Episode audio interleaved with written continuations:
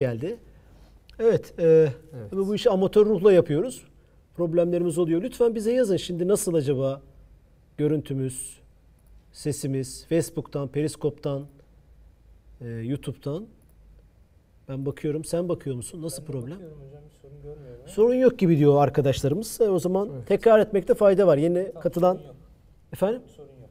yeni katılanlar vardır. Gidenler de var tabii. Tekrar gelmeleri için Evet. dua ediyoruz. Evet. Dua ile olur mu bilmiyorum. Ee, güzel, önemli bir konuyu konuşacağız. Ee, teknoloji göçüyle ilgili. Başta şöyle bir giriş yaptık. Tek göç tabii çok geniş ve büyük bir konu. Ee, bunun siyasi yönleri var, psikolojik, sosyolojik yönleri var, toplumsal yönleri var. Biz kendi alanımızla ilgili teknoloji alanıyla konuşacağız. Bilişim teknolojileri emekçileri e, yurt dışına gidiyorlar mı? Bir göç var mı? Bir kaçış var mı? Bu normal mi, anormal mi? Bunu da verilerle konuşmaya, toplayabildiğimiz kadar verilerle konuşmaya çalışacağız. İyi tamam demişler. Evet. Şu an iyi. Zehra Çetin gitmedik demiş. Sağ olsun. Teşekkür ediyoruz. Teşekkürler. E, iki konuğumuz olacak. Hemen bağlayalım Aykut'u. Çok beklettik onu. O zaten 22'de onun Şey alayım toplantısı hocam, vardı. e, bir hoparlörü bir alsam. Gel. Evet. Hoparlör sizin olsun. Demin evet. Şimdi böylece. E, Aykut yayında mı? Bir saniye bağlanacak oraya. Bir bağlantıyı sağlar mısın? Bağlantı var şu anda. Hediye Yok kitabımız burayla. da olacak. Onu da söylemekte fayda var. Tamam. Peki tamam. Demin şu kapanmış. İki konuğumuz olacak. Evet. Hemen bağlayalım Aykut'u. Çok beklettik onu. O zaten 22'de onun Şey toplantısı vardı. e, bir hoparlörü bir alsam. evet. Şu an geriden ya zamanda yolculuk yapıyoruz şu an. Bunu yapmayalım. Ee, Aykut Bey yayında Tamam. Yayında. Peki tamam. Aykut Bey- Üstadım hoş geldin. Merhabalar üstadlar, hoş bulduk. Nasılsınız? Sağ ol. Kusura bakma. Seni beklettik. Amerika'dasın. Hem işin de var, toplantın da var.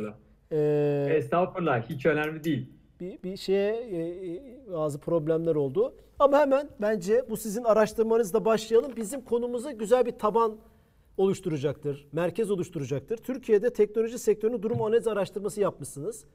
Ee, bu konumuzla ilgili bize yol açacaktır. Seni dinliyoruz hızlıca. Evet üstad, çok teşekkür ederim bugün beni konuk ettiğiniz için. Ee, hem size hem Cem Bey'e çok sağ olun. Ee, kodluyoruz olarak aslında Türkiye'de e, genç istihdam sorununu çözebilmek adına özellikle teknoloji sektöründe ve yazılım sektöründe e, yaklaşık 3 senenin üzerinde bir süredir e, çalışmalar gerçekleştiriyoruz ve eğitimler veriyoruz.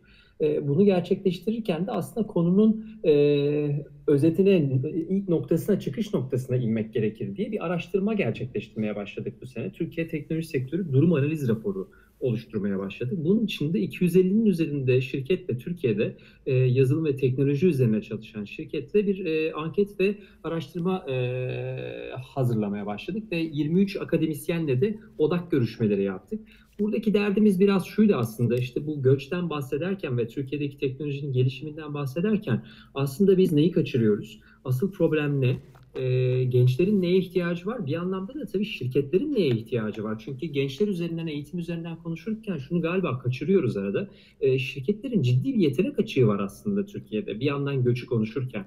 Ee, dolayısıyla bunu nasıl çözmek lazım? Ve bunun tam katalizatör noktasında kodluyoruz. Ee, eğitimler verirken ne yapması lazım ve sektörün ne yapması lazım diye bir araştırma hazırladık. Çok ilginç raporlar çıktı. Şimdi bunu e, önümüzdeki hafta e, 22 Mayıs'ta bir e, sunum olarak hazırlayacağız ve sunacağız. Hem basındaki emekçi arkadaşlarımıza hem de sektörden gelen katılımcı arkadaşlarımıza sunacağız ama e, burada şöyle bir şey çıkıyor. E, ankete katılan insanların, e, şirketlerin e, neredeyse %75.9'u yetenek açığından bahsediyor Türkiye'de. E, çok ciddi bir rakam aslına bakarsanız bu.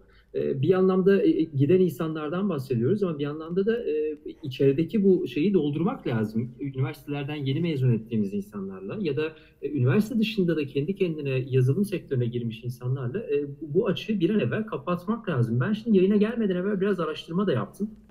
Biraz rakamlar çıkardım şey için. E, SASAM'ın 2015'te yaptığı bir rapora göre her yıl 800 bin istihdam açığımız var teknoloji sektöründe.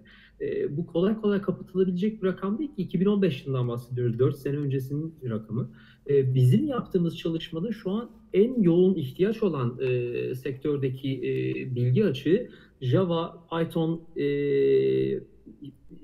büyük veri e, üzerine çalışan yazılımcılar ve yapay zeka üzerine çalışan yazılımcılar. Bu insanları kaybediyoruz aslında. Dolayısıyla burada e, çok yoğun bir çalışma yapmak gerekiyor. E, ama tabii bu bugünden yarın olacak şey değil. E, baktığımız zaman biz bu çalışmayı hazırlarken e, 1970'lere gittik.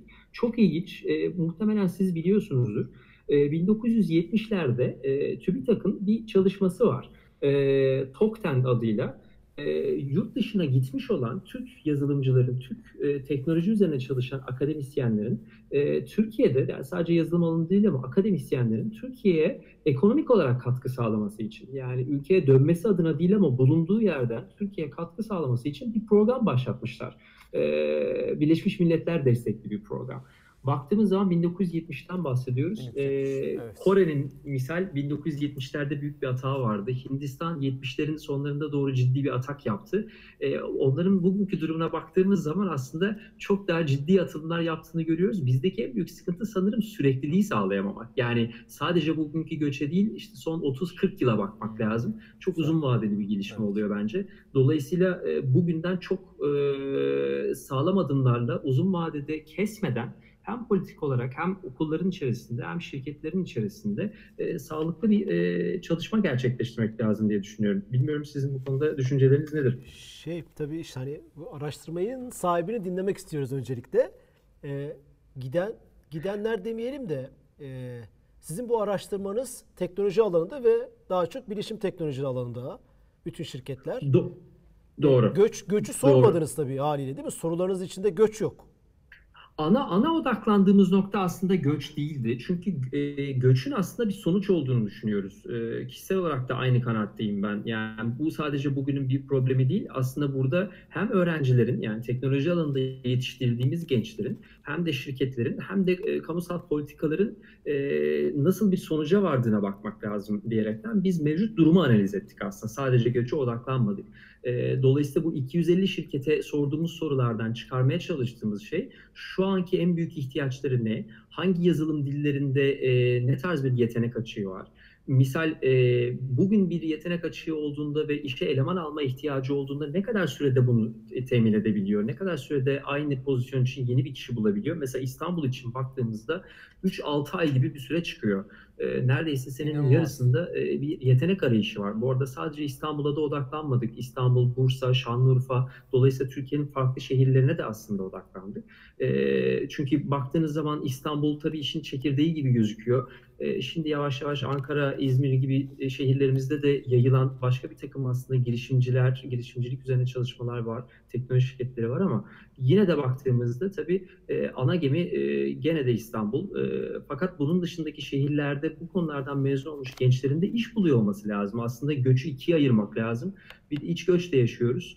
Ee, İstanbul, Ankara, İzmir dışındaki şehirlerin tamamından neredeyse bu sektörde çalışmak isteyen gençlerin İstanbul'a akması gerekiyor. Bu da bir problem aslında e, şehirlerin e, bazına baktığınız zaman. Dolayısıyla biz biraz daha işin çekirdeğine indik aslında. Eğitim ne durumda? E, şirketlerin ilk etapta neye ihtiyacı var ve uzun vadede neye ihtiyaçları olacak? Ama bunu çıkardıktan sonra aslında göçü engelleyebilecek konulara da gelmiş oluyoruz.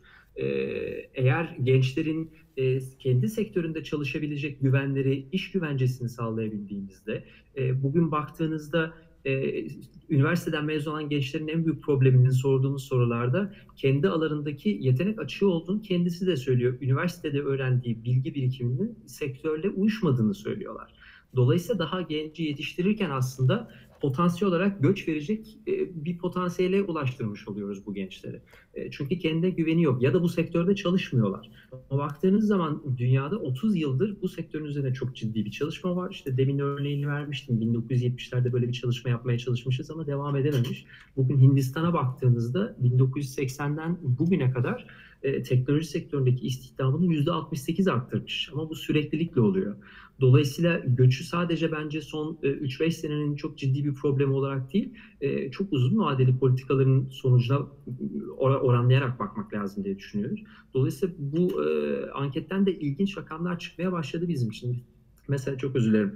E, baktığımız zaman e, OECD ülkelerinde toplam istihdam içinde teknolojide teknoloji personelinin oranı e, Avrupa'da 3.64'e düşüyor yüzde. Türkiye'de 1.06. Yani üç katımız çok daha ciddi bir fark var aralarında. Bunları çok hızlı kapatabiliyor olmak lazım. Bugün şirketlerin hepsi İstanbul'da etkinliklerde baktığımızda yapay zeka, makine öğreniminden bahsediyor, büyük veriden bahsediyor ama e, aslında temelde çalışacak gençlerimiz yok. Olanları Çok da doğru. kaybetmeye başlıyoruz. E, hali hazırda yetiştirdiğimiz yetenekli olanlar e, yurt dışı şirketlere gidiyorlar. Bence burada şey yapılabilir. e, bu rapordan da biraz da çıkanlardan biri o. E, bu yetiştirdiğimiz yetenekler yurt dışına gitse dahi aslında bu yetenekler bizim yetiştirdiğimiz insanlar. Türkiye dönmelerinin haricinde de Türkiye nasıl katkı yapabilirler biraz ona da bakmak lazım. E, illa Türkiye sınırlarına getirmek değil ama Türkiye sınırlarındaki diğer gençlere katkı sağlayacak çalışmalar yapmak lazım, güven sağlamak lazım. Bu hem ekonomik açıdan hem de tabii ki e, üniversitelerin burada çok önemli katkısı var. Hani hep konuştuğumuzda şey çıkıyor, raporlarımızdan da biraz o çıkıyor. İşte e, startup konusunda, girişimcilik konusunda büyük atılımlar yapıyoruz ama baktığımız zaman Türkiye'deki veriye son son 2018 yılında 59 milyon dolarlık bir e, startup yatırımı yapılmış Türkiye'de. E, bunu Amerika ile kıyaslarsanız 390 e, kişi başı mesela Amerika'da 354 dolar yatırım yapıyorlar e, startup e, girişimcilik Evet. üzerine. Türkiye'de bu rakamlar neredeyse 0.74 dolar civarında. Dolayısıyla bunlar çok büyük bir resmin parçaları. Biz bu raporda biraz daha e, sektörün uzun vadede gelişebilmesi için eğitim ve özel sektör ve üniversiteler, akademisyenler açısından ne yapılması gerektiğini ve mevcut durumu raporlamaya çıkardık. E, dolayısıyla bunun e, önümüzdeki 10 yıllık, 20 yıllık politikalara da çok önemli etkileri olacağını düşünüyoruz. Müthiş. Hiç, evet. hiç rakam vermedin yalnız. Hiç yani. Çarşamba günkü Üstad lansmana aslında şöyle söyleyebilirim. Ve- e, bıraktığı Ra- ra- çok belli. Raporu şöyle raporu aslında 22'sinde açıklayacağımız için bir, bir basın toplantısıyla beraber duyulacağı için raporun içerisinden çok e, veri vermemeye gayret Evet, gösterdim. onu çok be- be- Ben, bakmayın. ben de orada olacağım umarım. E, o gün o gün veriler alıp akşam buraya geliriz. o Şöyle diyebilir miyiz? Evet. Şöyle diyelim o zaman. Şunu öğrenmeye çalışalım. Ee, üç tane soru sorduk. Dediniz zaten soruları sordun. İlk ilk üç sorun nedir? Birincisi yetenek diyorsun. Tabii bu yetenek eğitim eğitimli insan bulmakta zorlanıyoruz. Yani onu anlıyorum değil mi? Yetenek yetenek sanki baş... Eğitim bulmakta zorlanıyoruz ve eğitmekte de zorlanıyoruz aslında. Üniversitelerde verdiğimiz eğitimlerin e, eğitimler sonucunda çıkan öğrencilerin sektöre beceri uyuşumunda ciddi bir sıkıntı var. E, Bir eğitim alıyorlar. Bir, öğrenciler kendilerini güvende hissetmiyor. Yeteri kadar bilgi birikime sahip olduğunu hissetmiyor mezun olduğu anda. Şimdi E, burada iki, şirketler de çünkü bu arada Doğru. Kemal Kemal Hoca da Kemal İnan da şu anda aslında ne diyelim Hocam buyurun Worthington'da. hocam gelin. Evet lütfen. Siz lütfen gelin. Lütfen. Şöyle bir saniye. Lütfen şöyle Kemal yapalım. İnan hocamız burada seni dinliyordu. Nerede? Bir Ee, dakika ben Aynı zamanda Harika. şey yapmak Gö- istiyor. ben- ben- bir dakika, gözlüğümü e, takayım, Dikkatle dinliyor ve e, e, şey yapmak bakın. istedi. Katılmak istedi. hoş Çok geldiniz Kemal İlgili- Hocam. ho- Hoş bulduk. İlgiyle dinledim sizi. Şimdi sorun şurada bakın. Diyorsunuz ki üniversiteden mezun olan çocuklar öğrendikleri şeylerle sanayinin istedikleri şeyde bir uyumsuzluk var. Değil mi? Bunu söylediniz. Doğru, doğru. Şimdi buradaki Haklısın. sorumluluğu ne tarafa koyacağız? Hemen arkasından şu geliyor. Bu öğrenciler burada iş bulamadığı için dışarıda buluyor iş. Dışarı gidiyorlar. Ha burada o zaman sorun sanayide. Yani ben bunu biraz birinci elden biliyorum. Ortak projeler Haklısın. yapacağım vakit sanayinin büyük bir kısmının gelişmişlik düzeyi yeterli olmadığı için üniversitede öğretilen evrensel bilgileri ne şekilde kullanacaklarını bilmiyorlar. Bütün mesele burada benim gördüğüm. Yoksa Haklısınız. olay sanayiyle başlar. Yani oradaki ne istendiği belirginleşirse üniversiteler bunu isyan etmiyor ki. Ona göre kendi eğitimlerini biçimleyebilirler. Ben sorunu her zaman orada gördüm ama ben daha fazla karışmayayım. Bu- Yok yok hocam Dilersen şeref verdiniz. lütfen. Çok, çok Yani güzel. hakikaten. Estağfurullah Kemal Hocam. Çok kıymetli. Gerçekten e, kesinlikle katılıyorum. Hocam e, Bir hocamız sorun var yani ben uzaktan dinledim mecburi katıldım çünkü bir yandan bunlar dışarı gidiyor diyoruz çocuklara. Bir yandan burada kullanamıyoruz. Ya bir- nerede sorun nerede ki bunları dışarı yolluyoruz? E- Eğer siz de katılırsanız e, kişisel olarak e, naçizane şöyle bir görüşüm var benim. E, İki türlü. Bir, e, Türkiye'de sanırım üniversiteden mezun olan gence sektörün de güveni yok.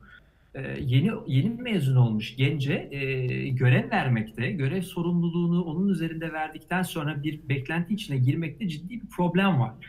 Çok ciddi deneyimler bekliyoruz gençlerden ama bir yerden bu gençlerin başlaması lazım. Yani yurt dışına baktığımız zaman e, 18 yaşında, 17 yaşında bir gencin çok daha büyük sorumluluklarla iş yaptığını görebiliyoruz. Türkiye'de bu biraz daha zor. Dolayısıyla mezun olan genç aslında dediğiniz gibi yurt dışında çok daha kolaylıkla iş bulabiliyor eğer bilgi birikimini arttırabiliyorsa. Bu da çok ciddi bir problem. Tabii bu da sanırsam şunu da getiriyor. E, Siz de katılır mısınız bilmiyorum. Ee, sektörün üniversitelerden daha fazla öğrenci alıyor olması ve üniversiteler daha çok çalışmalı, daha yakın dirsek temasla çalışıyor olması gerekiyor diye düşünüyorum. Yüzde Son yüz. yıllarda bence bu biraz daha artıyor sanki. Valla benim deneyimim bizim bir sanayi liderleri programımız vardı Sabancı Üniversitesi'nde. Burada ben birinci elden olayı yani yönetenlerden biri olarak bakıyordum. Bir proje başı sonu belli bir proje yapacağımız vakit sorun her zaman sanayide çıkıyordu üniversitede değil.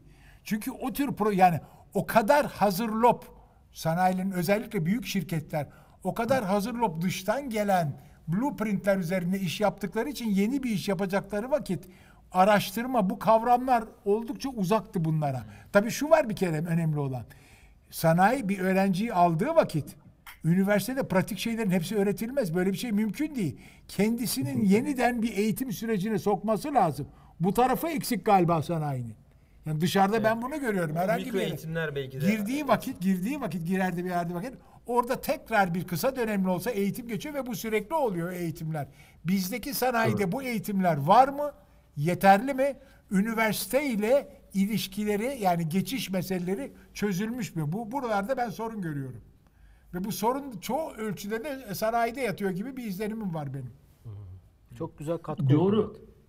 Ee, bir de şunu da belki eklemek gerekir. Ee, öğrencilerin içerisinde bu kendi hissettikleri güvensizlik konusunda da aslında e, öğrencilerin takım çalışmasına, üniversiteden mezun olmadan hatta lisedeyken birlikte üretebilmesini biraz daha desteklemek lazım. Yani bu illa dediğiniz gibi üniversitenin üzerinde bir yük olarak değil ama gençlerin de bunu kendi üzerinde bir yük olarak hissetmesi lazım. Şu an biraz daha şey hissedip baskın geliyor. Ee, ben üniversiteden mezun olduğumda işim hazır olsun ama böyle bir dünya hiçbir zaman yok. Hiçbir ülkede yok. Ee, e, kendisini sürekli geliştiriyor olması lazım sizin de söylediğiniz gibi. Dolayısıyla daha lise çağında birlikte ekip çalışmasıyla farklı fikirlerin üzerinde geliştirilmelerle beraber bir takım e, projeler geliştiriyor olmak lazım. Bunu da e, okulların üzerinde büyük bir yük olarak koymamak lazım. Gençlerin de taşın altına elini koyup e, biraz daha proaktif olması lazım.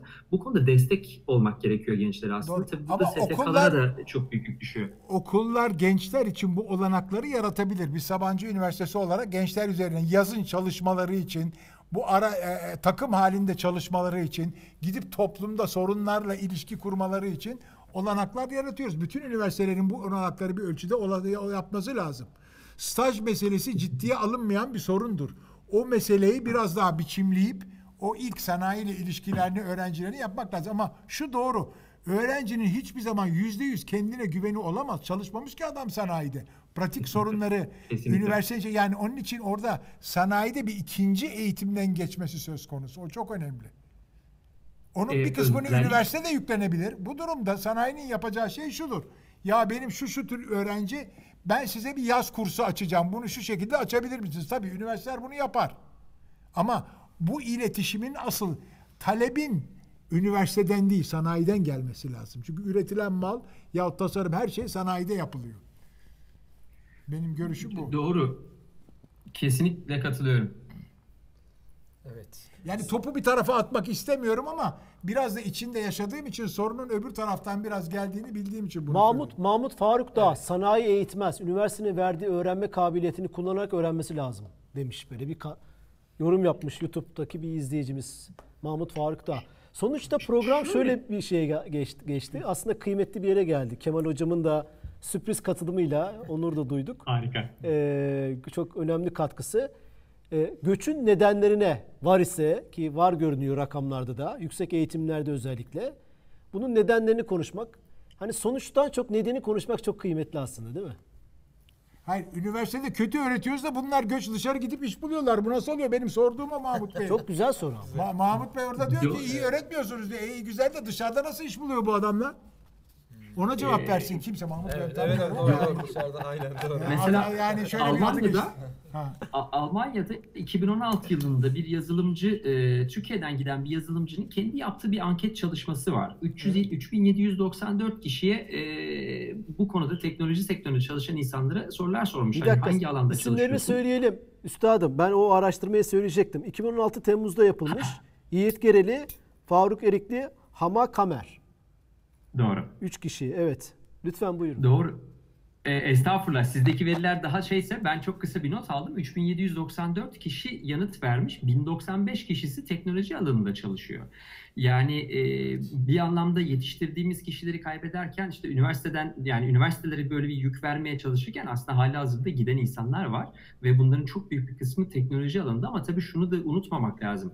E, bugün bir doktoru, bir avukatı e, kolay kolay beyin göçüne e, maruz bırakamıyorsunuz çünkü gittiği ülkedeki mevzuatlara uyamadığı için zaten e, gidebilmesi çok mümkün değil. Teknoloji alanında çalışan insanların dünya çapında çok hızlı hareket edebilme imkanları var sınırlar ötesinde.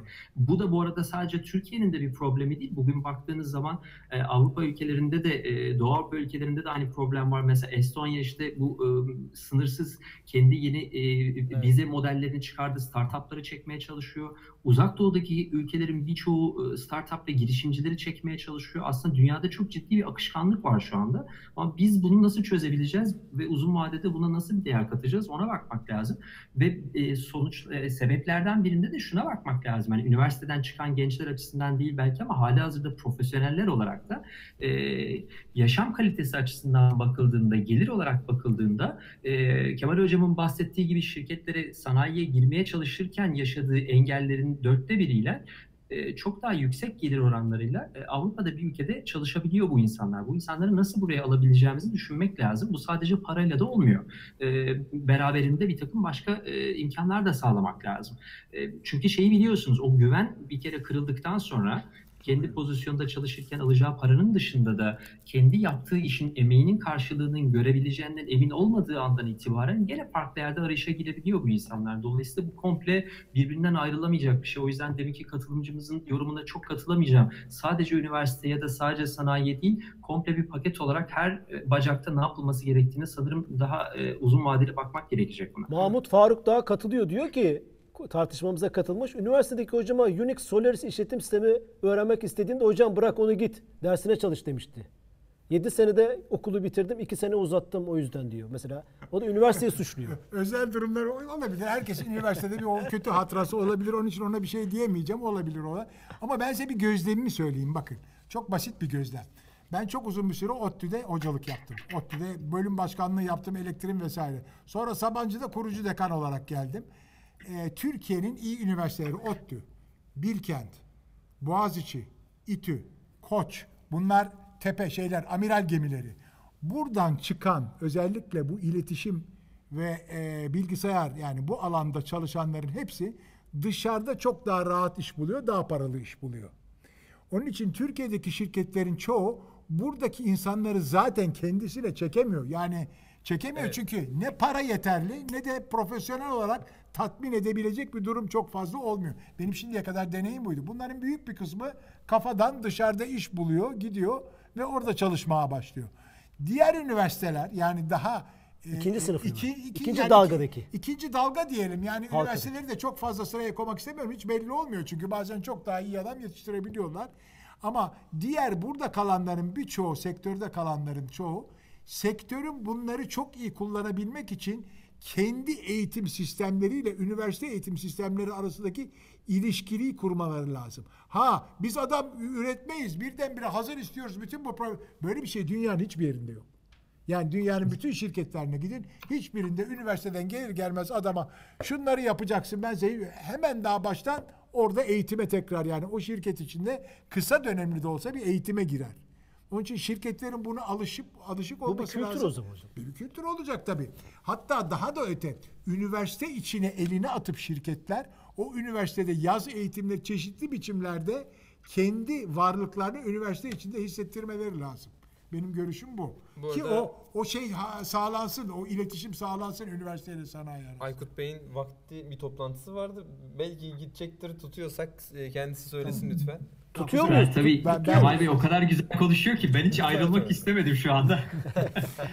Ama şunu ekleyebilirim. Kesinlikle e, Kemal Hocam'ın dediklerine tabii katılmamak mümkün değil. E, işin çok derininde, çok uzun yıllardır çalışmış biri olarak hepsine katılıyorum Kemal Hocam'ın deneyimlerine.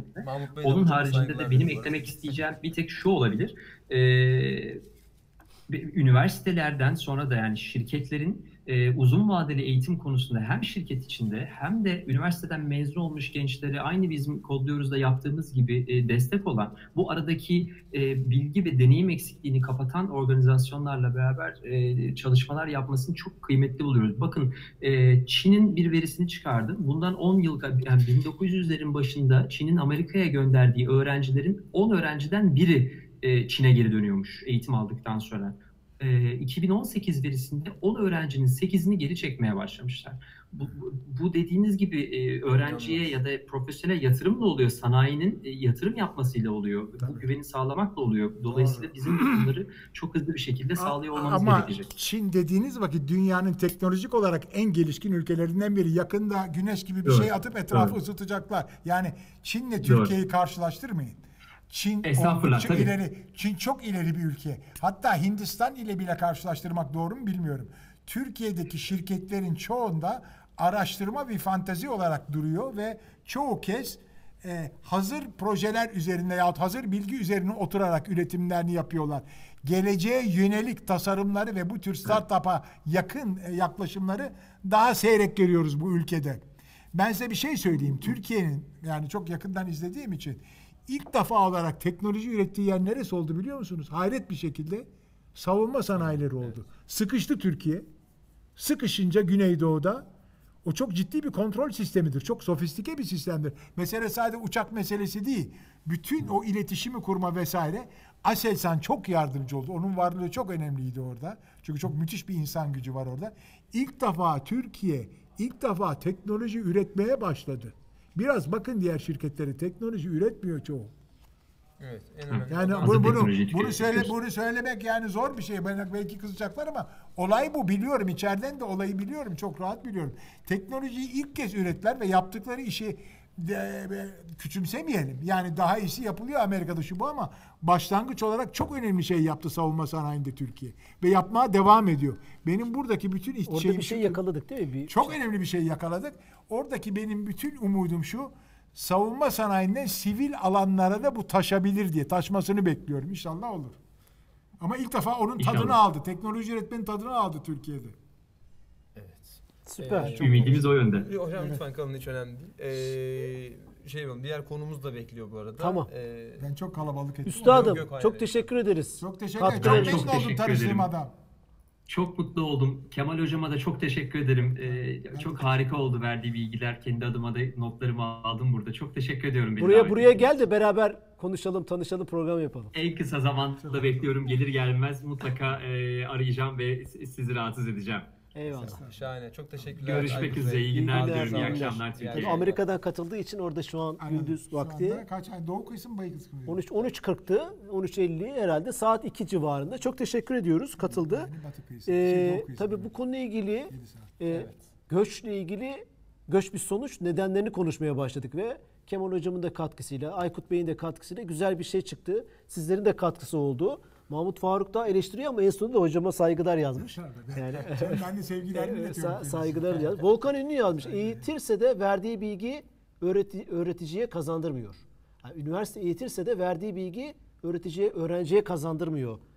Demek istemiş herhalde yani. Evet, evet, Üniversite ihtimalle. o da öyle bir eleştiride bulunmuş. Bu arada bu yayının kitap hediyesi de var. Wall Street kurduğu kitabı onu vereceğiz yayın sonunda. Yayın keyifli ve renkli geçmeye başladı. Baştaki sıkıntıdan dolayı tekrar özür diliyoruz. Bir sık bir sıkıntı yaşadık. Can kamera arkasında çok Özür mahcup diliyor, özür evet. diliyor ama oluyor böyle şeyler. Affınıza sığındık. İkinci konuğumuz var. Onu Evet. almadan önce Ha, buyurun, birkaç bir gideyim. Siz devam bir- edin. birkaç- ben tekrar gerekirse tamam, gelirim. tamam. Peki şahane. Oradan geçersem birdenbire böyle tersine giden bir şey olursa hop diye fırlıyorum. Evet Çok hocamın güzeldi. Evet tamam. Ee, heyecanı ve derdini seviyoruz. Kemal İnan hocamız da zaten biz biliyorsunuz takip etmeyenler varsa takip edebilirler. Bilgiye Yolculuk e, isimli bir maceraya, bir seriye, bir yolculuğa başladık. Onunla bu yayından önce ve sonra bant yayınları çekiyoruz. O da bizimle misafir oldu, kulak misafiri dayanamadı. Çok seviyorum bu özelliğini. Kendisine teşekkür ediyorum. Birkaç veri verelim. Ee, beyin göçü teknoloji sektöründe beyin göçü var mı? Bunu konuşuyoruz. Mesela Aselsan Yönetim Kurulu Başkanı Profesör Doktor Haluk Ergün, e, Haluk Güngör, özür diliyorum, e, bir açıklama yaptı. Geçen haftalarda sanırım. Bu Aselsan'da ba- çok ciddi şekilde mühendislerin Belçika, Hollanda, İngiltere gibi ülkelere gittiği, onlara paralar teklif edildiği gibi şeyler dolaştı medyada ve bunun üzerine şöyle bir şey söyledi. 6500 çalışanımız var. %59'u mühendis. %60'ı. 7006 olsa 4200. Nereden baksanız 4000 mühendisi var. 4000 mühendiste 100 ile 200 onu söylediğini tekrar ediyorum. Mühendis gitmiş. Ee, tabii sayı değil nitelik nicelik muhabbeti var. O 100-200 mühendisin niteliği neydi bilmiyoruz. Ama 100-200 mühendis gitmiş doğruladı. Ee, hatta gidenler arkadaşlarını da büyük ücretlerle hocamın dediği gibi çok büyük ücretlerle transfer etmek için çalıştıklarını söylüyor. Bu bize bir done veriyor, veri veriyor. Ee, yurt dışındaki rakamların Türkiye ile karşılaştıramayacak düzeyde olması beyin göçünün nitelikli elemanın, eğitimli, yüksek eğitimli personelin, insan kaynağımızın yurt dışına gitmesine sebeptir. Sadece Türkiye için değil. Hindistan'dan gider, Çin'den gider, Orta Asya'dan gider, Rusya'dan gider. Evet. Bu bir e, e, önemli bir şey diye düşünüyorum bizim için veri. Çok e, sonu konuşmasının sonunda da çok ciddi bir şey yok korkulacak. Biz bir okul gibiyiz, yenisini yetiştiriyoruz demişti. TÜİK verisi var. Ee, Mustafa Arzu bir yazı yazmış onu okuyacağım. TÜİK verisi var. 2017 verisi abi. Hemen onu okuyayım. Beyin göçü değil ama genel göçle ilgili. Bir de bu göç kavramı çok geniş bir konu. Bir sürü e, Tabii göç sebepleri evet, var. evet. Mesela 15 Temmuz'dan sonra cemaatçi göçü e, olmuş. Evet, Özellikle tabii. Almanya, Avrupa ülkelerine. Bu bir göç. Orada tabii bizim insan kaynağımız, kaliteli insanlar da var. E, imzacı göçmenler, işte KYK veya barış için imza atanlar, hem siyasi sebep var. Gayrimüslimlerle ilgili göç olmuş, parası olan. Mesela şöyle bir veri var. O Birleşmiş Milletler Küresel Varlık Varlık Gücü raporuna göre 2016-2017 döneminde Türkiye'den yüzde 12 bin dolar milyon milyoneri ülkeden çıkmış. 12 bin 12 bin dolar milyoneri e, küresel varlık göçü Birleşmiş Milletler raporu. Bir önceki yıla göre yani 2015'e göre yüzde 12 dolar milyoneri insan böyle bir rakam var. En çok Avrupa ülkeleri ve Birleşik Arap Emirlikleri'ne gitmişler. Bunun yani şunu anlatmaya çalışıyorum. Birçok sebebi var. Siyasi sebepleri, politik, toplumsal sebepleri. Hatta bir rakam daha vereyim. OECD'ye göre bir ülkenin yü- yüksek eğitimli e, insanların yüzde ikisinin yurt dışına gitmesi yüzde ikisinin normal karşılanıyor yani. Ortalama o. Yüzde ikiye kadar yok. Yani Almanya'dan da başka ülkeye gidiyor. Belçika'dan da. Tabii Ama Amerika'dan bir- da öyle. Evet. ama bizim ülkemizde e, bu biraz son yıllarda artmış gözüküyor. Mesela 2017 rakamına göre Türkiye İstatistik Kurumu rakamı bir önceki yıla göre 2016'ya göre yüzde 42 buçuk artmış. Yüzde 42 buçuk. 253.642. 253 bin rakamı çok yüksek olmayabilir, gelmeyebilir bize ama bir önceki yıla göre yüzde 42 artması çok yüksek. Yüksek, yüksek. Çok yü- yüksek yani Ee, yarı evet. yarıya artış var gibi Şimdi gözüküyor. zaten İngiltere'den de rakamları alacağız. Bu ama beyin göçü değil, normal göçten bahsediyoruz. Yani nitelikli, niteliksiz, eğitimli, eğitimsiz herkesi kapsıyor. Üst- Öyle bir kırılım yok yani yüksek eğitim eğitimliler Evet. kapsayan. Yaş aralığı 20-34 ama buradan bir sonuç çıkarabiliriz. Yaş aralığı 20-34 olanların oranı bu 253 bin kişide yüzde 45. Yani 253 bin kişinin 250 bin kişi diyelim. iki kişiden bir kişisi 20 ile 34 yaş aralığında. Bu da üniversiteyi yeni bitirmiş aslında e, e, e, genç ve nitelikli diyebileceğimiz İnsanlar tırnak içinde evet. insanlar olabilir. Böyle ipucu veriyor. %54'ü erkek, %46 kadın, yarı yarıya hemen hemen. 75 bin İstanbul'da bu- da bize bir done veriyor. İstanbul'un diğer şehirlere göre yüksek nitelikli elemanları göç ediyor diyebiliriz. Büyük şehirlerin. 24 bin Ankara, 15 bin Antalya, 13 bin Bursa, 10 bin İzmir. Ee, böyle bir şey söylüyor. Türkiye göç alanda ülke. Bu da ilginç. Bunu da söyleyelim. Gidenler olduğu gibi gelenler var. Ama niteliği, kapsamı tartışılabilir. 2017'de bir önceki yıla göre %22 daha fazla insan gelmiş. 466 bin kişi gelmiş. E, tabii o da- Irak'tan Irak'tan gelen %27, Afganistan'dan %11, Azerbaycan'dan %6, Türkmenistan'dan %7 e, yu- yuvarlak rakamları söylüyorum. Gelenler olmuş. Bunu dipnot olarak verebiliriz. Ama genel olarak şu gözüküyor. Bu Aykut'un da verdiği rakamlara göre 2016 Temmuz'da yapılmış bir araştırma. Giden yurt dışına giden yüksek öğretim almış 3794 kişinin 1095'i yani 3 kişiden bir kişi bilişim teknolojileri uzmanı e, imiş. Bunu Evet. e, Şimdi- görebiliyoruz. Buradan da bir sonuç çıkıyor. Mustafa Arzu ne demiş onu şey yapalım. Amerika'da en iyi mühendisi ortalama Bir- 150 dolar ile 200 dolar para alıyor. Biz 2 milyon dolar bir futbolcuya para ödeyeceğimize yurt dışından neden 15 ya da 20 mühendis sınav etmiyoruz? Güzel soru, harika soru. Ee, şöyle yapalım hocam bu arada. İftara az kalmış İngiltere'de. O yüzden Ha, alalım. tamam. Ee, hemen e, arıyorum Halil ben. İbrahim var. Evet. Halil İbrahim Bey kendisi göç hukuku uzmanı. Evet, göçmen hukuku uzmanı. yaşıyor Aynen öyle. Ve vize konusunda da bir danışmanlık şirketi var. Aynen Vatandaş Harika. UK diye bir e, şirketi var. Şimdi Halil İbrahim e, Bey'i dinleyeceğiz. Ee, onun oradaki deneyimini ve tecrübelerini bizim için Evet şu şey an olacak, bir bizi çerçeve duyabiliyor musunuz acaba? Ee, sanırım şunun sesi kısık bir bakalım. Ee, şu an duyuyor musunuz? Bir, bir daha konuşabilir misiniz e, acaba? Sizi biz duyuyorsunuz ama evet biz neden acaba duyamıyoruz sizi? Bir dakika. Bu kötü. Biz duyamıyoruz çünkü. Şöyle yapalım. Ee, tekrar bunu Mustafa Heh, Arzu'nu şundan da okumuş olduk. Adam Evet. Adam Sezer merhaba Londra'dan selamlar. Güzel bir Evet. program. Sizleri takip ediyoruz. Teşekkür ediyoruz. Şeref Şimdi ben şöyle yaptım. Zannediyorum sesinizi duyabilecekler. Evet, eee, tekrar merhabalar Halil Bey. Sizi beklettik. Merhaba, nasılsınız? Teşekkürler. Eee seyircilerimiz duyabiliyor mu? Biraz ona, oraya söylemiş olalım. Evet, yaklaştırdım şu an ben. Seyircilerimiz de duyabiliyor mu? Eğer yazabilirlerse. Duyamıyoruz. Ben de duyamıyorum. şu Bize, an. evet, şu an evet. Halil İbrahim Bey hoş geldiniz. Hoş bulduk. Merhaba, nasılsınız? Teşekkürler. Sizi kısaca tanıyalım mı? Ben Immigration Advisor'ıyım. Yani göçmen hukuku uzmanıyım. İngiltere'deyim. Londra'da eee, özellikle Türk vatandaşlarının buraya yerleşmesi, oturumlarını alması, ailelerinin vizelerinin alınması bu konularda kendilerine danışmanlık hizmeti veriyorum. İngiltere'den Londra'dan yayınımıza hoş geldiniz. Büyük bir tecrübe, deneyim. Sizin o tecrübenizi kısaca dinlemek istiyoruz.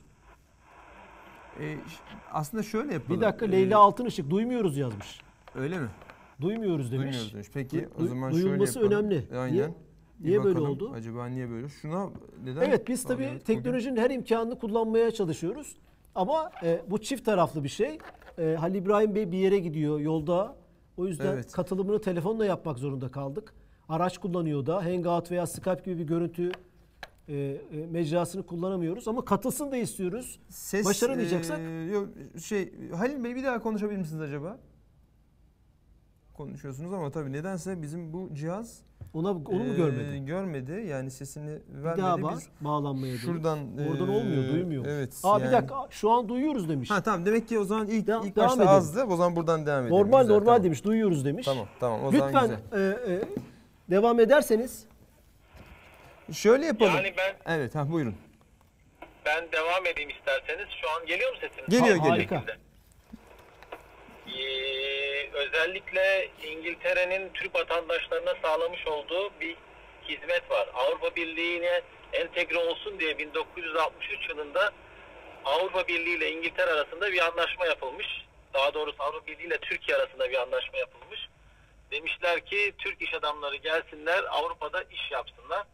Bunu uygulayan ender ülkelerden bir tanesi ve Ankara Anlaşması vizesi diye geçiyor.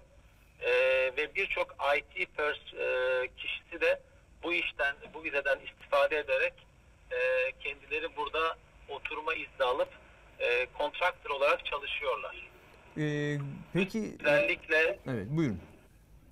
özellikle Türkiye'den hatta Silikon Vadisi'nden hatta Arap ülkelerinden birçok Türk IT pers- personeli diyor ki e, beni aradılar bir şekilde ulaştılar e, ve kendileri bu vizeye başvurup buraya geldiler.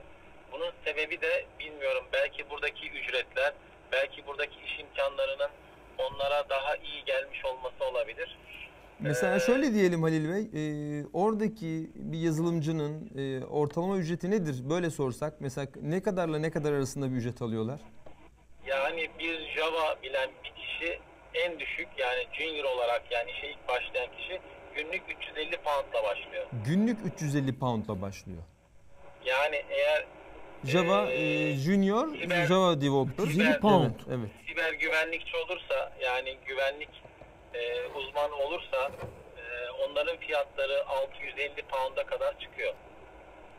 Evet, bu ve 650 Yani biraz daha işi biliyorsa günlük 650 Oracle'cılar- pound. E şimdi o zaman göç etmeyecek ne yapacak bu adam diyebiliriz o zaman. Yani bu, bu rakamlar karşısında e, bizim ayakta kalmamız tabii ki döviz e, karşısında aslında bir böyle bir Döviz problemi de bize Evet, özgü bir evet, problem. bize özgü bir problem. Zaten döviz döviz olmasa bile dövizler eşit olsa bile Evet. paranın değeri kıymeti diye bir şey var Doğru. ekonomide.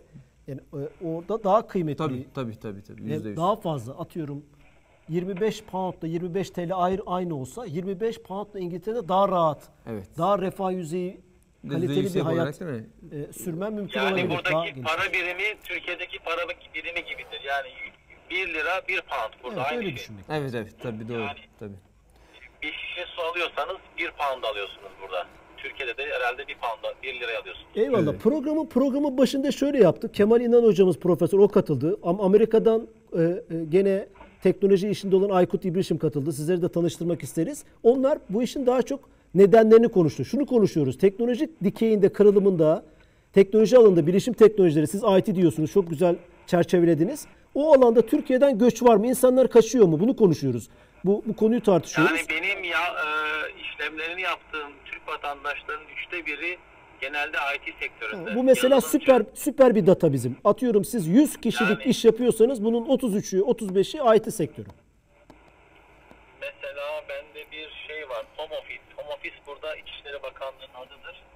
Home Office'in yayınladığı bir anket var. Ankette diyor ki bir saniye onu yanlışlık olmasın bakayım. Önemli o. Yani sadece burada meslekleri karşılaştırmıyor. Sadece bu Ankara Anlaşması vizesine başvurup Türkiye'den buraya gelen e, 2016 yılında 3560 kişi varmış.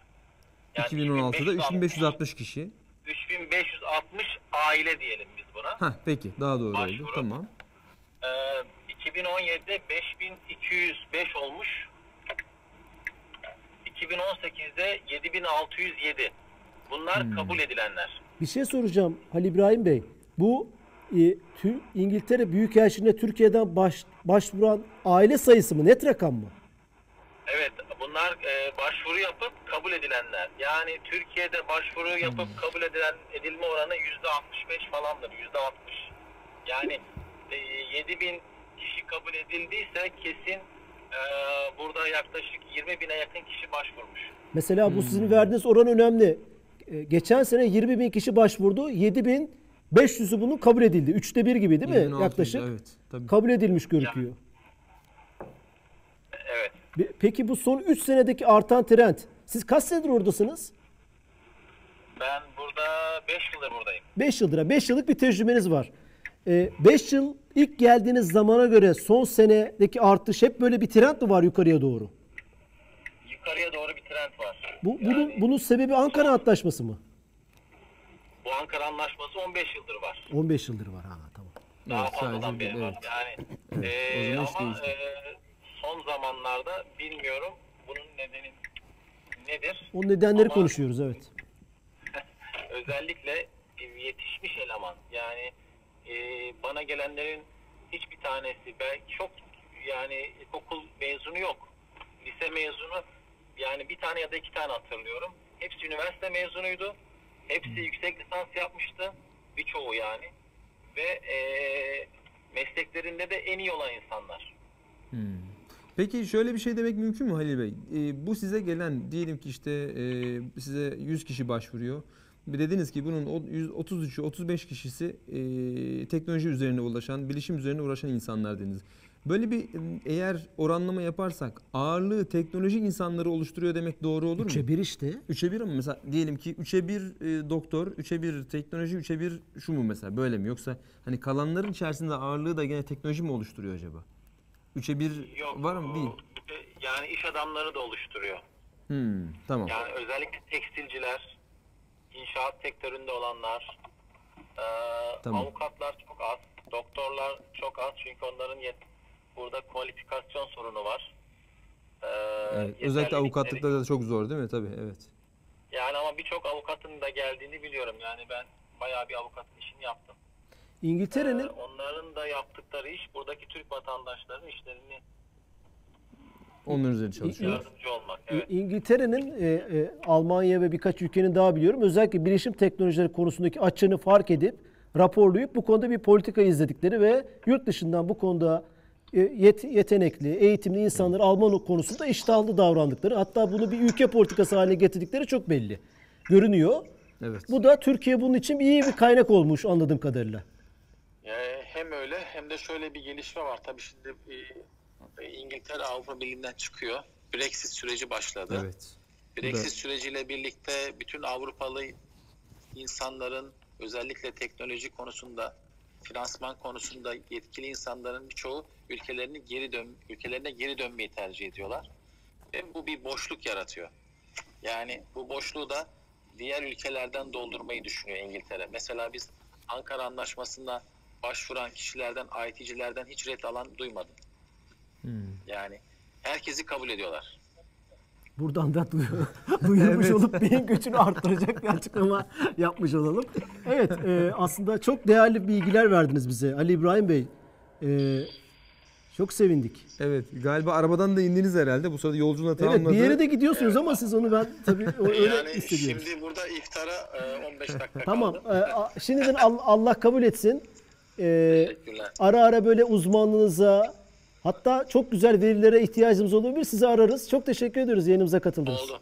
Görüşürüz efendim. Kolay gelsin. Sağ Çok olun. teşekkürler. Görüşmek üzere. Evet, e, 2018, 17, 2016'da 3560, 2017'de 5205, 2018'de 7609 aile İngiltere'ye başvurmuş. Hayır pardon, kabul edilmiş. Kabul edilmiş. Evet. Geçen sene 20 21 kişi bin küsürden diyor, evet. 7600 evet yani bu ve bunların e, %95'i Halil İbrahim'in Bey'in söylemesiyle ilkokul hiç yok, lise birkaç kişi, %95'i üniversite mezunu, yüksek öğretim mezunu. Ve işinde iyi, e, öne çıkmış isimler. İşte bu bir rakam mesela. Evet. Tabii. Matematik- Kritik bir göç rakamı. Matematik her şeydir. Matematik matematik bize müthiş veriler verir. Böyle bir şey var. Hocam ne diyorsunuz? Vatikanlılar İngiltere'ye gidiyor. Kemal Bey'le bitirelim. Yeni bir şey değil. Ha yeni bir şey değil. Hocam- olanlar, yetenekli olanlar oraya gidiyor daha çok para kazanıyor. Biraz daha Vatikanlandırıyor. Burayı terk ediyor. Güzel gitsinler. Hocam Program buyurun. tutamayız. Lüt- Lütfen buyurun. Evet. Program tutamayız. Tutabilir miyiz? Tutamayız. Yok tutamayız. Gerek yok. Demek ki burada kullanamıyoruz o insanları. Evet, bunun nedenleri olabilir hocam. Birincisi işte ülke Ben tutayım sizi. Ayrıca İngiltere, İngiltere'nin ne özelliği var ki? İngiltere Amerika gibi değil. İngiltere'de öyle çok kaynakta yoktur bunları bir şey. Ama demek ki şu anda bir adam kıtlıkları var. işte şey dedi hocam Brexit'ten çıktıkları için Anladım. Avrupalı Orada- orada insanlar bir boşluk var, orada evet. bir IT sektöründe. Orada Zaten dünyada boşluk. IT sektörü yükselen bir değer. Tamam. ama İkisi bizdeki kesince bir IC ihtiyaç orada var. Tamam. Mesela Londra'ya geçen evet, sene teknoloji. Almanya bir çağrı yapmış. 20 bin tane SAP uzmanı, veri tabanı uzmanı ihtiyacım Hmm. var demiş mesela. E, Oradan bir e, bunu açıklıyor, politika yapıyorlar ve insanları alıyorlar. Amerika'da da aynı şekilde. E, bunun aslında şeylerini konuşacak olursak, e, sebeplerini e, görünen o ki Yayında büyük bir göç Değil miyiz? halinde değil ama bir e, gidişat var. Bununla da ilgili insanlar daha iyi refah içinde yaşamak, daha iyi ücretlerde hayat kalitelerini arttırmak, e, yeni dünya görmek, kariyerlerine, CV'lerine bunu know-how'larını geliştirmek, bunları not ettirmek. Bu Evet, da çok kıymetli tabii. bir şey. İkincisi siz dünya çapında bir girişimcisiniz ve dünya çapında bir iş yapmak istiyorsunuz. Bunun merkezi İstanbul, Moskova, Bağdat değil. New York, Los Angeles, Sao Tabii. Paulo Alto, Yani- e, kısmen Londra. Yani bunu da anlayabiliyorum. E, Bu da kıymetli ama e, e, sonuçta gün sonunda şu çıkıyor. E, e, e, siyaset ve bunu kullanıyor. E, e, Türkiye'de sanki böyle bir büyük bir göç varmış gibi. Kullanıyor. Bu doğru değil. Yani bu her yerde bir, bir yerde her yerde olan yani şimdi bakın burada bizim umudumuz şu, beklentimiz şu. Ya niye oluyor Çin yahut Güney Kore'de olduğu gibi ters göç olmuyor? Çünkü oralarda Kıymetli olan o Güney Kore'de, hocam? Güney Kore'de bu kere Amerika'dan oraya bir ters göç var. Çin'den emin değilim ama yavaş yavaş o da belirginleşmeye başladı. Onun olması için buranın çok daha büyük hamle yapmış olması lazım. Yani bütün mesele o insanları burada kullanabiliyor musun sen ya? Bütün mesele bu. Şu an kullanamıyoruz gibi. E kullanamıyorsun onu gösteriyor. Demek ki senin şu andaki sanayilerin yani Büyük ben bunu çok sanayiye, yakından sanayiye biliyorum. Bugün, takmışsınız hocam siz. tabii takmışım çünkü TÜSİAD şirketlerinin ne olduğunu biliyorum. Ne tür insan gerektirdiğini de biliyorum. Türkiye'deki Microsoft'u da biliyorum. Hiçbir iş yapmazlar. Çok çağırdım ben. Erdem Erkul'a taş atmış burada. Tabii istediği Erdem yani, Bey. yani hiç ne araştırması buradadır. Ne IBM'in ne yani dışarıdaki büyük tekerin hiçbirinin burada pazarlama ötesinde bir aktivitesi yok. Niye olsun ki? Aykırı bir soru sorayım. Adam çok adı adam var. Yani nitelikli insan gücü yok değil ki burada. Ya Buradaki çok basit bir şey söylüyorum. Hala şey anlamıyorsun. 7 bin kişi İngiltere'ye gitmiş. Bilmem 8 bin kişi Amerika'ya gitmiş. Bunlar nerede? Bunlar Merit'ten mi gelmiş? Burada. Oraya gideceğine burada çalışabilirler. Microsoft açsa öyle bir yer. Ya bu, bu, bu bizdeki şey. Ama bizdekiler zorlamıyoruz bunları. Aslanım diyoruz orada. Burada istediğin gibi pazarla ülkeyi kullan babamın malı gibi. Tamam mı? Siemens'ti şuydu buydu. Burada hiçbir şey yapmadan oh keka yat. Ondan sonra şey, ha çok iş yapıyor. Sorarsan onlara çok iş yapıyorlar. Kaç burada kaç da burada patent alan bir yeriniz var. Patent aldınız mı? Burada herhangi bir araştırma etkinliğiniz var mı? Varsa bunun çıktıları ne? Bunun üzerine gitsin Türk devleti. Yani burayı biraz zorlamak lazım. Bu bu etkinlikler çoğaldığı vakit tabii bu iş zorla da olmaz. Çok da kolay değil bu işi zorla yapmak. Hindistan'daki olayı ben çok yakın biliyorum. Yani Amerika'daki Hintliler Hindistan'a gidip bizzat oradaki şirketleri kurarak gitti devlet yardımıyla vesaire. Burada da olması gereken öyle bir şey. Ben çok fazla TUSİAD'a ümit bağlamıyorum ama çok önemli hala orası. Daha başka girişimlerin yer alması lazım Türkiye'de. Onun için sanayi şeyde e, savunma sanayi bir başlangıç olarak iyi Demiştiniz. bir baş. Tabii onu söyledim. Yani ona benzer bir burada teknoloji üreten bir e, Ben de hocam felsefe lazım. olarak şuna hep hep inanan biriyim. Dışarıdakine suçlayacağına kendine bak. Siemens'i, Microsoft, IBM. Intel'i suçlayacağına ben ne yapıyorum? Benim hatam ne? Eğitimimi, sanayimi, politikamı, kültürümü nasıl düzeltebilirim? Nasıl burada daha fazla insanın gelmesi için e, e, özgürlükler ortamını çoğaltabilirim? Ülkemdeki sorunları tek tek çözebilirim. İlk önce kendime bakmak istiyorum. Yani Siemens'i suçlamak kolay. Yani niye gelmiyorsun burada yatırım yapmıyorum diye yani yapıyor. Yani hani Satıyor. Ha, satıyor da. Senin pazarını kullanıyor. Kullanıyor evet kullanıyor. E, niye kullandırıyorsun? Argemi açmıyorum burada. Yani Ha, üretim ya, yapmak Sen de istemiyorum. niye o pazarını o kadar açıyorsun? Ha, Bunu tamam. çok iyi regüle Gene edebilirsin. gene Bu olayı regüle edebilirsin. Çin öyle yapıyor. Ha sen buraya gelip bana satmak istiyor musun? Ha o zaman demek ki şu şu şu. Neyse. Ya şimdi konuyu uzatacağım ben Çin ama. tabii çok uzak. büyük Çin bir ve Amerika değil mi? deyince- başka bir Çin tabii tabii de. Ben Çin, Haftaya Çin mı konuşsak bilmiyorum ama şöyle bir şey haftaya söyleyeceğim. konuşalım. Yani e, şu Amerikan-Çin e, Haftaya O, trade o, war. ayrı bir şey. o ayrı bir şey. olay. O- İşte o, o kadar şimdi kendi oraya parametreleri olan bir olay ki orada. Ama Çin tabii bir dünya gücü oldu artık. Aynen. Yani kabul, ama çok kısa bir zamanda oldu ha. Evet. Evet yani ve- Çin, Çin bir 10-15 yılıya gidersen bayağı ilkel bir yerden başladı. En güzel şeyi al. 1960'ta şahlanan Güney Kore'yi al. Bizden çok daha geriydi. Biz niye hareket etmedik? O soruyu hiç sormuyor kimse. Tabii Güney Kore'de savaşa Hocam bu desteğe Kemal giden İnan'la ülke. bilgi yolculukta bu tip gündemdeki konularda Hayır ben konuşalım. Türkiye hakkında konuşmuyorum. Ha, tamam okey. Tamam gitmeyin. Türkiye hakkında konuşuyorum çünkü o zaman politize olurum. Yani Tamam, şu anda tamam. politika şeyine Evet, evet, istemiyorum. evet, siz o şey üstünde durmanız Ben güzel o- olur o- hocam. bu Türkiye hakkında konuşuyorum. Türkiye hakkında başkaları konuşsun. Ben sadece dünyada olan bir sorundan bahsediyorum. Türkiye de bu sorunun dışında değil. Ama Türkiye birinci elden bu sorunda değil. Ama şu sırada bakıyorum her- çok güzel herkes İngiltere'ye gidiyor. Lan Brexit niye oldu? Ma şeyler sarı yelekliler Fransa'ya git sarı yelekliler kafana bir tane şey atsın o görürsün. Ha, bir- evet bir de Tamam, madalyonun bu tarafı var. Madalyonun o tarafı var. Amerika'ya Amerika- git de green card kalkıyor. Kaldıracak. Şimdi kaldırabilir. Bilmiyorum ben. Sen şimdi Yani İngiltere'de şey. muhteşem, Amerika'da muhteşem bir hayat yok. İslamofobya, e, ırkçılık, evsizler, Gittikçe o çoğalacak ve orada işsizlik de çoğalacak. Eyvallah. Onlar oraya gidenlerin büyük bir kısmı tekrar buraya geri dönmek Ha, isteyecek. Bunu. Kemal İnan dedi dersin. Öyle yani. olsun. Bizzat siz dersiniz inşallah. Ben hocam. diyorum. Tamam bizzat siz dersiniz. Oradaki iş olanların çok fazla büyüyeceğini sanmasın. Birazsa orada da işsizlik olacak. Bu alanlarda bile olacak. Zaten programımızda onu anlatmaya çalışıyoruz. Teknolojik işsizlik. Tabii onu İzin verirseniz için biz- kapatacağım hocam. Kapat sen. kapat sen tamam. kapat. Ben gidiyorum. Ee, e, e, e, ha, Amerika'dan Aykut İbrişim, kodluyoruz.o kurucu ortağı. İngiltere'den çok ilginç göçle ilgili bir danışmanlık şirketi olan göç hukuku uzmanı Halil İbrahim Bey katıldı. Vatandaş UK'dendi kendisi de. Ee, Vatandaş harika, UK o kurucusu. bazı bilgiler verdi. Evet, Ondan aldık. iyiydi. Verilerle, konuklarımıza, sizlerle harika e, katılımlar yaptınız. Programın başındaki aksaklık için tekrar özür diliyoruz. Güzel bir şey oldu. Hediye kitabımız var. Onu verelim. Ne soralım? Şunu soralım. E, kaç konuk katıldı? İlk cevap verene verelim. Çok kolay olsun. E, kitabımızın görselini verelim. Wall Street kurdu. Biraz- Hatta biraz bunun şeyini- filmi de vardı. Çok ünlü bir e, bayağı IMDB bir puanı yüksek bir şey. Jordan Belfort'un kitabı onu Zodiac yayınlarından Profil kitabının yan bir yayın evi. Ayrıca Hmm, kültür sanat tamam. sponsorumuz Güzel. olduğunda tekrar etmekte fayda var. İlk cevap ilk kişiye bu kitabı hediye edeceğiz. Bugün Bana- kaç konuğumuz vardı?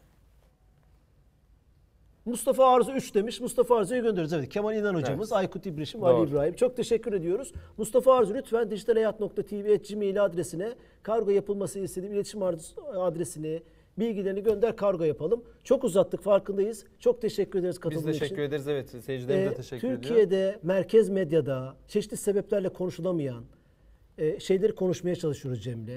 E, hatalarımız hatalarımız oluyor, kusurlarımız oluyor. Affola. Affola. Haftaya Perşembe 21.30'da Yeniden görüşmek, üzere. İyi akşamlar. İyi akşamlar.